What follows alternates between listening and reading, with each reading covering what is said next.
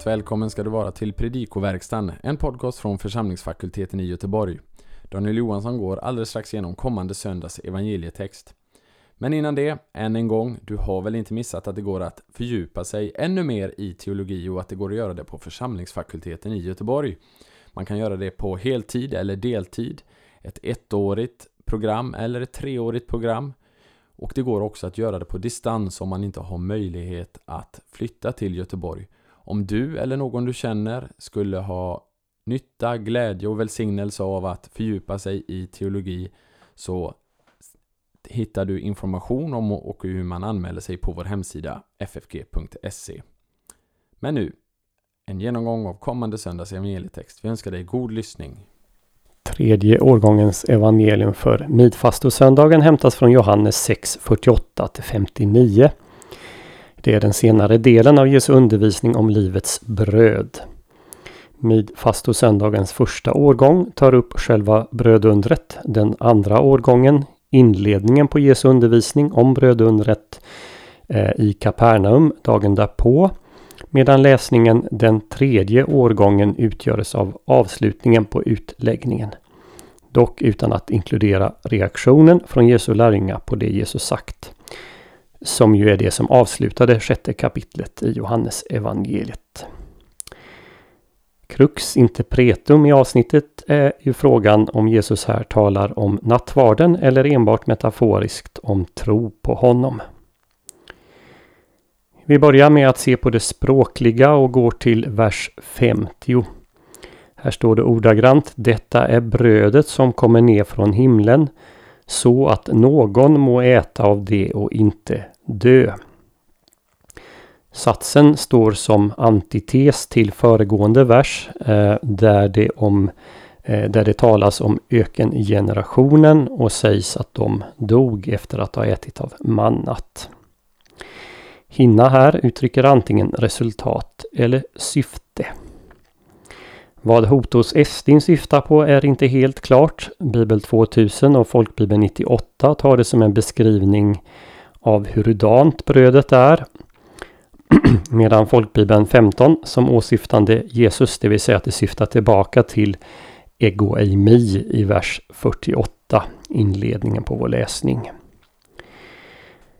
Vers 51 inleder med en variation på egoemi ho artos tes tsoes, jag är livets bröd, nämligen egoemi ho artos ho tson ho ek to orano katabas.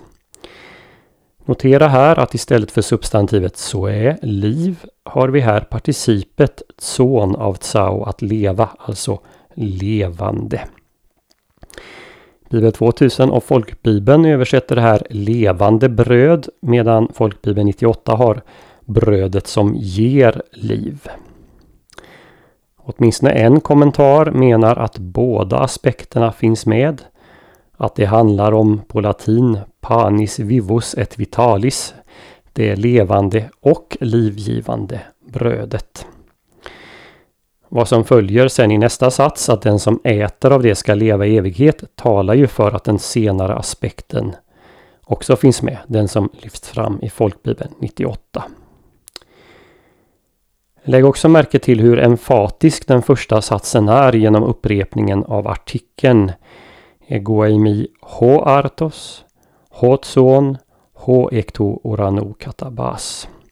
Jag är brödet, det levande, det som kommer ner från himlen. Den sista delen av den här versen är väl lite klumpig. Kai ho artos de hon ehm, ego doso hesarx mo estin hypertes to cosmo soes. Eh, till att börja med så tycks partikeln de vara något överflödig här. Och den saknas mycket riktigt i en del tidiga handskrifter. Troligen finns den med bara för att markera resonemangets utveckling. Och vi får lämna den oöversatt. Sen gäller det placeringen av Hesarks små estin. En del handskrifter har flyttat den till slutet av versen vilket ger ett bättre flöde. Men placeringen här i mitten av eh, versen eh, det betonar att brödet är Jesu kött och att det är detta som ska ges för världens liv. Prepositionsfrasen som avslutar versen hyper tes zoes eh, har många paralleller i Johannes evangeliet. Eh, jag har räknat upp dem eh, i pdfen till den här podden och när hyper används så är det ofta i anslutning till offerterminologi.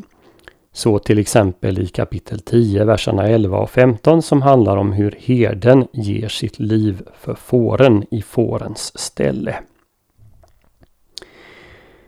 Vi går till vers 53 där folkbibeln översätter slutet av versen Ok echet etsuen en heautois lite mer ordagrant än vad Bibel 2000 gör. Eh, folkbibeln har Har ni inte liv er, i er respektive, det vill säga Bibel 2000, äger ni inte livet. Människosonen omnämns också i den versen. Det sker tre gånger här eh, i undervisningen om livets bröd. Första gången vi stöter på titeln i evangeliet är 1.51 och sedan i samtalet mellan Jesus och Nikodemus i 3.13 14. För övriga ställen så får jag återigen hänvisa till pdfen till den här podden. Vers 54. H trogon mo ten sarka kai pinnon mo to aima. Eh, to haima. Eh, är ett exempel på Granville Sharps regel som innebär att den enda artikeln framför det första participet betyder att båda participen syftar på samma person, alltså håtrogon kai pinnon, den som äter och dricker. Det har ibland sagts att verbet troggo, som betyder att äta, används för att understryka det realistiska i ätandet. I klassisk grekiska användes verbet för djur i meningen gnaga och tugga. Men redan hos Herodotus så används det om människor utan att på något sätt framhäva sättet man åt på, alltså som en synonym till verbet estio, eh, äta. Och här i Johannes evangeliet så tycks det också helt enkelt fungera som en synonym till estio. Johannes användning eh, i kapitel 6 är sådan att han varvar estio med troggo. Eh, och det är något fler antal ställen där estio används. Eh, för de här ställena så kan ni också se på pdfen till den här podden. Det vi ska notera särskilt är att estio på samtliga ställen står i auristformen fagomai Alltså estio har som sin aurist en annan, en annan rot, fago. Eh, alltså det är alltid auristformen när estio används. Medan samtliga former av trogo eller tillfällen där trogo används är particip i presens. Användningen här hos Johannes bekräftar den senaste forskningen som säger att trogo ofta kunde fungera som presensformen för auristen Fagomai. Och helt konsekvent i enlighet med detta så har Johannes i 13.18 som är ett citat ifrån Saltaren 41.10 ändrat eh, presensformen av estio som finns i Salta salmen. Där står H estion, den som äter. Eh, det har han när han citerar det ändrat det till H trogon. Vers 55, där stöter vi på begreppen brosis respektive possis.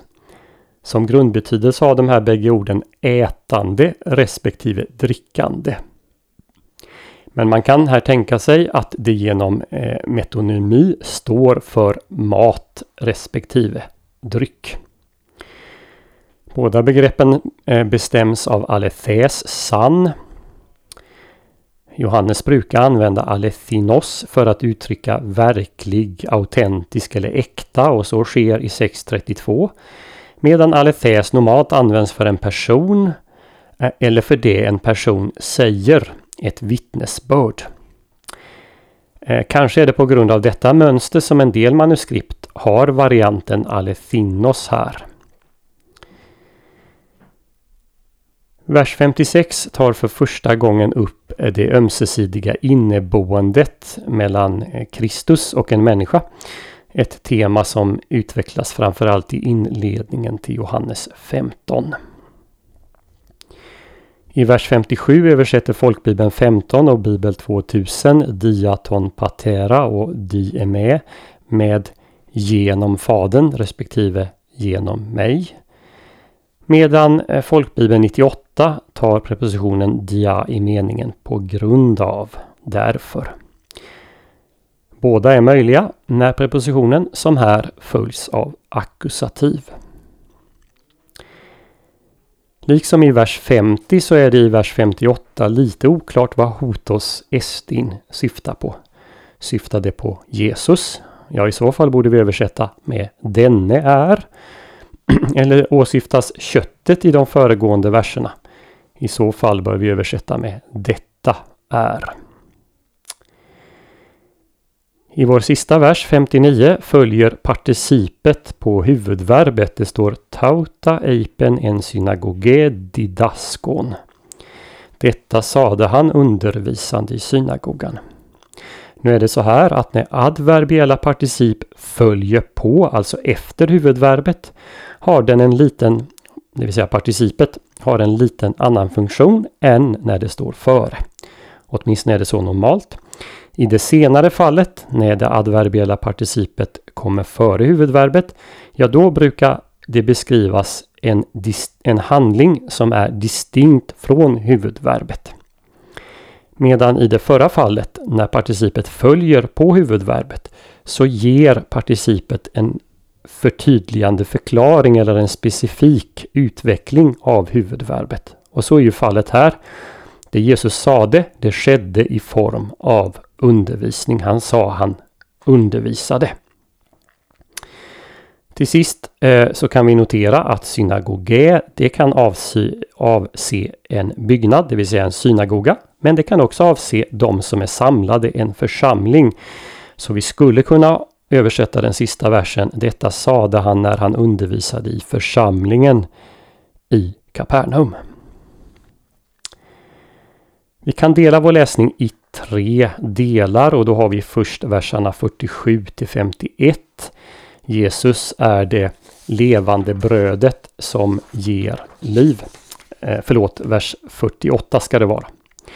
Eh, den andra delen, verserna 52 till 58. Den som äter Människosonens kött och dricker hans blod har evigt liv. Och så har vi till sist vers 59 som är en avslutning. Här kan vi också lägga märke till en inklusio som håller ihop hela vårt avsnitt, nämligen verserna 49 till 50 och versen 58. Eh, som båda beskriver hur fäderna åt manna och dog medan det himmelska brödet som är Jesus, det ger evigt liv.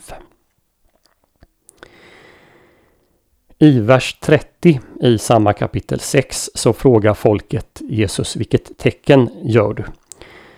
Det bör inte tolkas så att folket redan glömt bort brödundret som skedde dagen innan.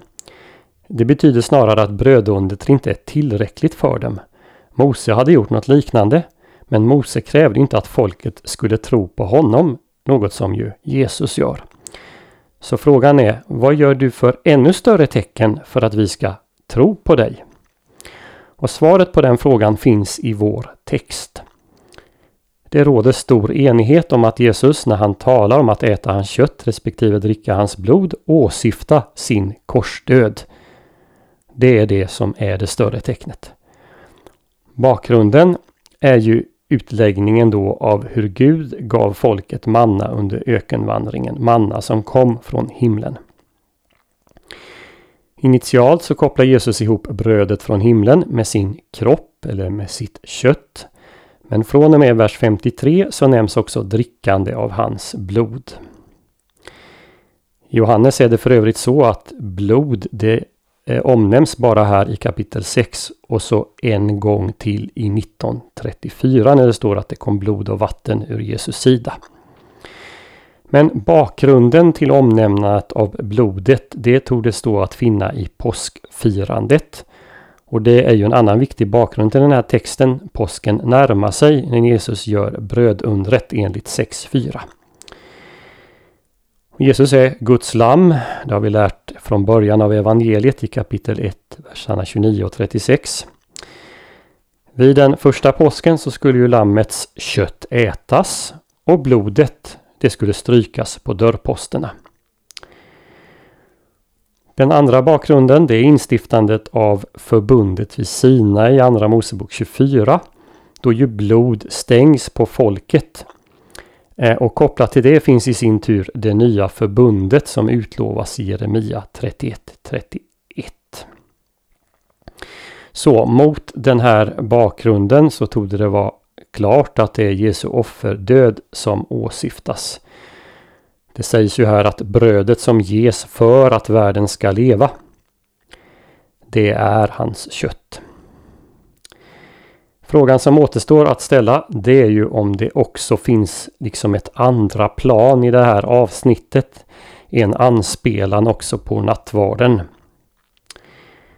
För egen del har jag svårt att se att den kristna åhöraren eller läsaren som regelbundet firade nattvard kunde undgå att se en anspelning på sakramentet. Detta är min kropp, detta är mitt blod. Men uppfattningen om hur man ska förstå det, den har varit delad sedan eh, kyrkans första tid. I fornkyrkan fanns det de som företrädde en andlig tolkning, det vill säga att det handlade bara om trons ätande, om andligt ätande. Så till exempel hos Clemens av Alexandria och Origenes. Men det fanns också de, kanske flertalet, som företrädde en sakramental uppfattning. Eh, så till exempel Ignatius av Antiochia och Justinus martyren. Så för att sammanfatta, den sanna förståelsen av mannaberättelsen får i Johannes 6 sin utläggning av Jesus. Den pekar fram emot honom. Det är inte primärt frågan om en ny undervisning, men om Jesus själv som uppfyllelse. Mannat pekar fram emot Jesu död som något som hans far ger. Guds bröd står som en parallell till Guds lamm eh, som bär iväg synden. Att bära iväg synden är då en parallell till att ge liv. Tre av de viktigaste händelserna under vandringen i ödemarken som brukade föras samman i den judiska traditionen, nämligen mannat, vattnet ur klippan och kopparormen. De får alla sin uppfyllelse i Jesus, sin slutgiltiga och ultimata betydelse i Jesu korsdöd. Och då omtalas ju kopparormen i kapitel 3, eh, mannat här i kapitel 6 och sedan eh, vattnet ur klippan, ja det anspelas det på i 7.37 till 38. Vi hoppas att denna genomgång får bli till hjälp och välsignelse för dig som har lyssnat. På vår hemsida www.ffg.se kan du hitta information om hur du kan stödja fakultetens arbete, som till exempel den här podcasten. Ett sätt att stödja är att skänka en gåva genom Swish. Församlingsfakultetens Swish-nummer är 123 100 84 57. Alltså 123 100 84 57. Mottagaren som anges är Peter Isak Bens utbildningsstiftelse. Märk gärna gåvan FFG Podcast om du vill stötta just denna podden. Så önskar vi allt gott och Guds välsignelse.